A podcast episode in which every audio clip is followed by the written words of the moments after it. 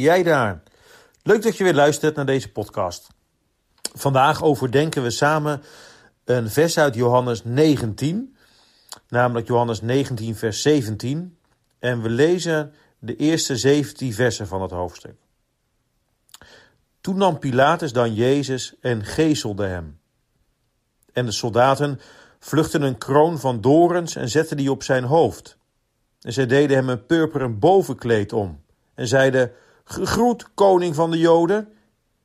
En zij gaven hem slagen in het gezicht. Pilatus dan kwam weer naar buiten en zei tegen hen: Zie, ik breng hem tot u naar buiten, opdat u weet dat ik geen schuld in hem vind. Jezus dan kwam naar buiten met de doornenkroon op en het purperen bovenkleed aan. En Pilatus zei tegen hen: Zie de mens. Toen dan de overpriesters en de dienaars hem zagen, schreeuwden zij: Kruisig hem, kruisig hem. Pilatus dan zei tegen hen: Neemt u hem en kruisig hem, want ik vind in hem geen schuld. De Joden antwoordden hem: Wij hebben een wet en volgens onze wet moet hij sterven, want hij heeft zichzelf Gods zoon gemaakt. Toen Pilatus dan deze woorden hoorde, werd hij nog meer bevreesd. En hij ging opnieuw het gerechtsgebouw in en zei tegen Jezus: Waar komt u vandaan? Maar Jezus gaf hem geen antwoord.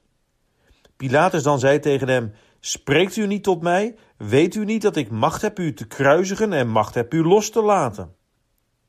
Jezus antwoordde: U zou geen enkele macht tegen mij hebben als het u niet van boven gegeven was. Daarom heeft hij die mij aan u overgeleverd heeft een grotere zonde dan u. Van toen af probeerde Pilatus hem los te laten, maar de Joden schreeuwden: Als u deze loslaat, bent u niet de vriend van de keizer. Iedereen die zichzelf koning maakt, verzet zich tegen de keizer. Toen Pilatus dan deze woorden gehoord had, bracht hij Jezus naar buiten en ging op de rechte stoel zitten op de plaats die Litosostros genoemd wordt.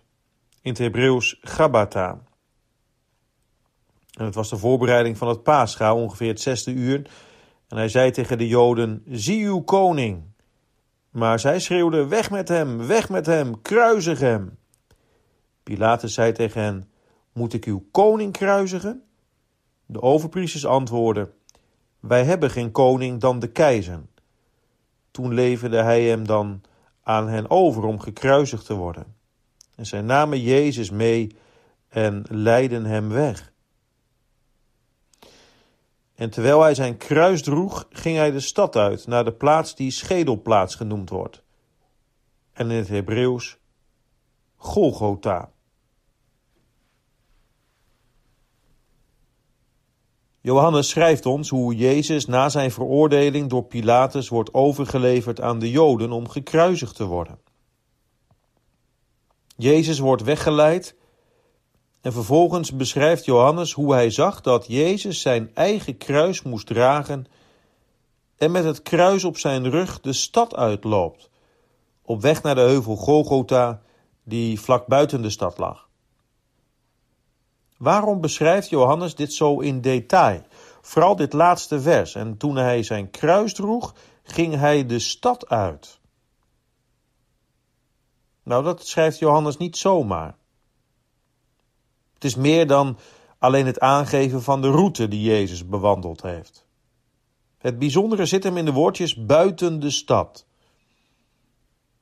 Jezus ging daar als offer als het lam, dat geslacht ging worden naar de offerplaats buiten de stad. Eigenlijk ging de Heer Jezus dezelfde weg als vroeger de offerdieren gingen. Wanneer een jonge stier voor het zondoffer en de bok voor het zondoffer in het heiligdom geofferd werden, dan werd vervolgens hun huid en het overgebleven vlees van deze dieren buiten het kamp gebracht en daar verbrand. En de betekenis daarvan was dat alle onreinheden en zonden die symbolisch op zo'n offerdier werden gelegd, daadwerkelijk uit het midden van het volk was weggedaan. En dat zo'n offerdier de plaats van het volk innam. en zo buiten hun tentenkamp tot een vloek werd gemaakt, verbrand. En zo, langs die weg was het volk voor God weer heilig. Daarom heeft ook Jezus, om door zijn eigen bloed het volk te heiligen, buiten de stadspoort geleden. Om zo naar Gods wil voor de zonden van de zijnen te betalen. Om zo naar Gods wil tot een vloek gemaakt te worden en langs die weg de straf voor de zijnen op zich te nemen. Maar wat betekent dit nu voor ons? Nu in de eerste plaats dat deze weg die Jezus hier bewandelt nodig was om te betalen voor de zonden. En dat wij daar eigenlijk hadden moeten lopen. Maar dat Hij dit heeft gedaan uit liefde voor zondaren.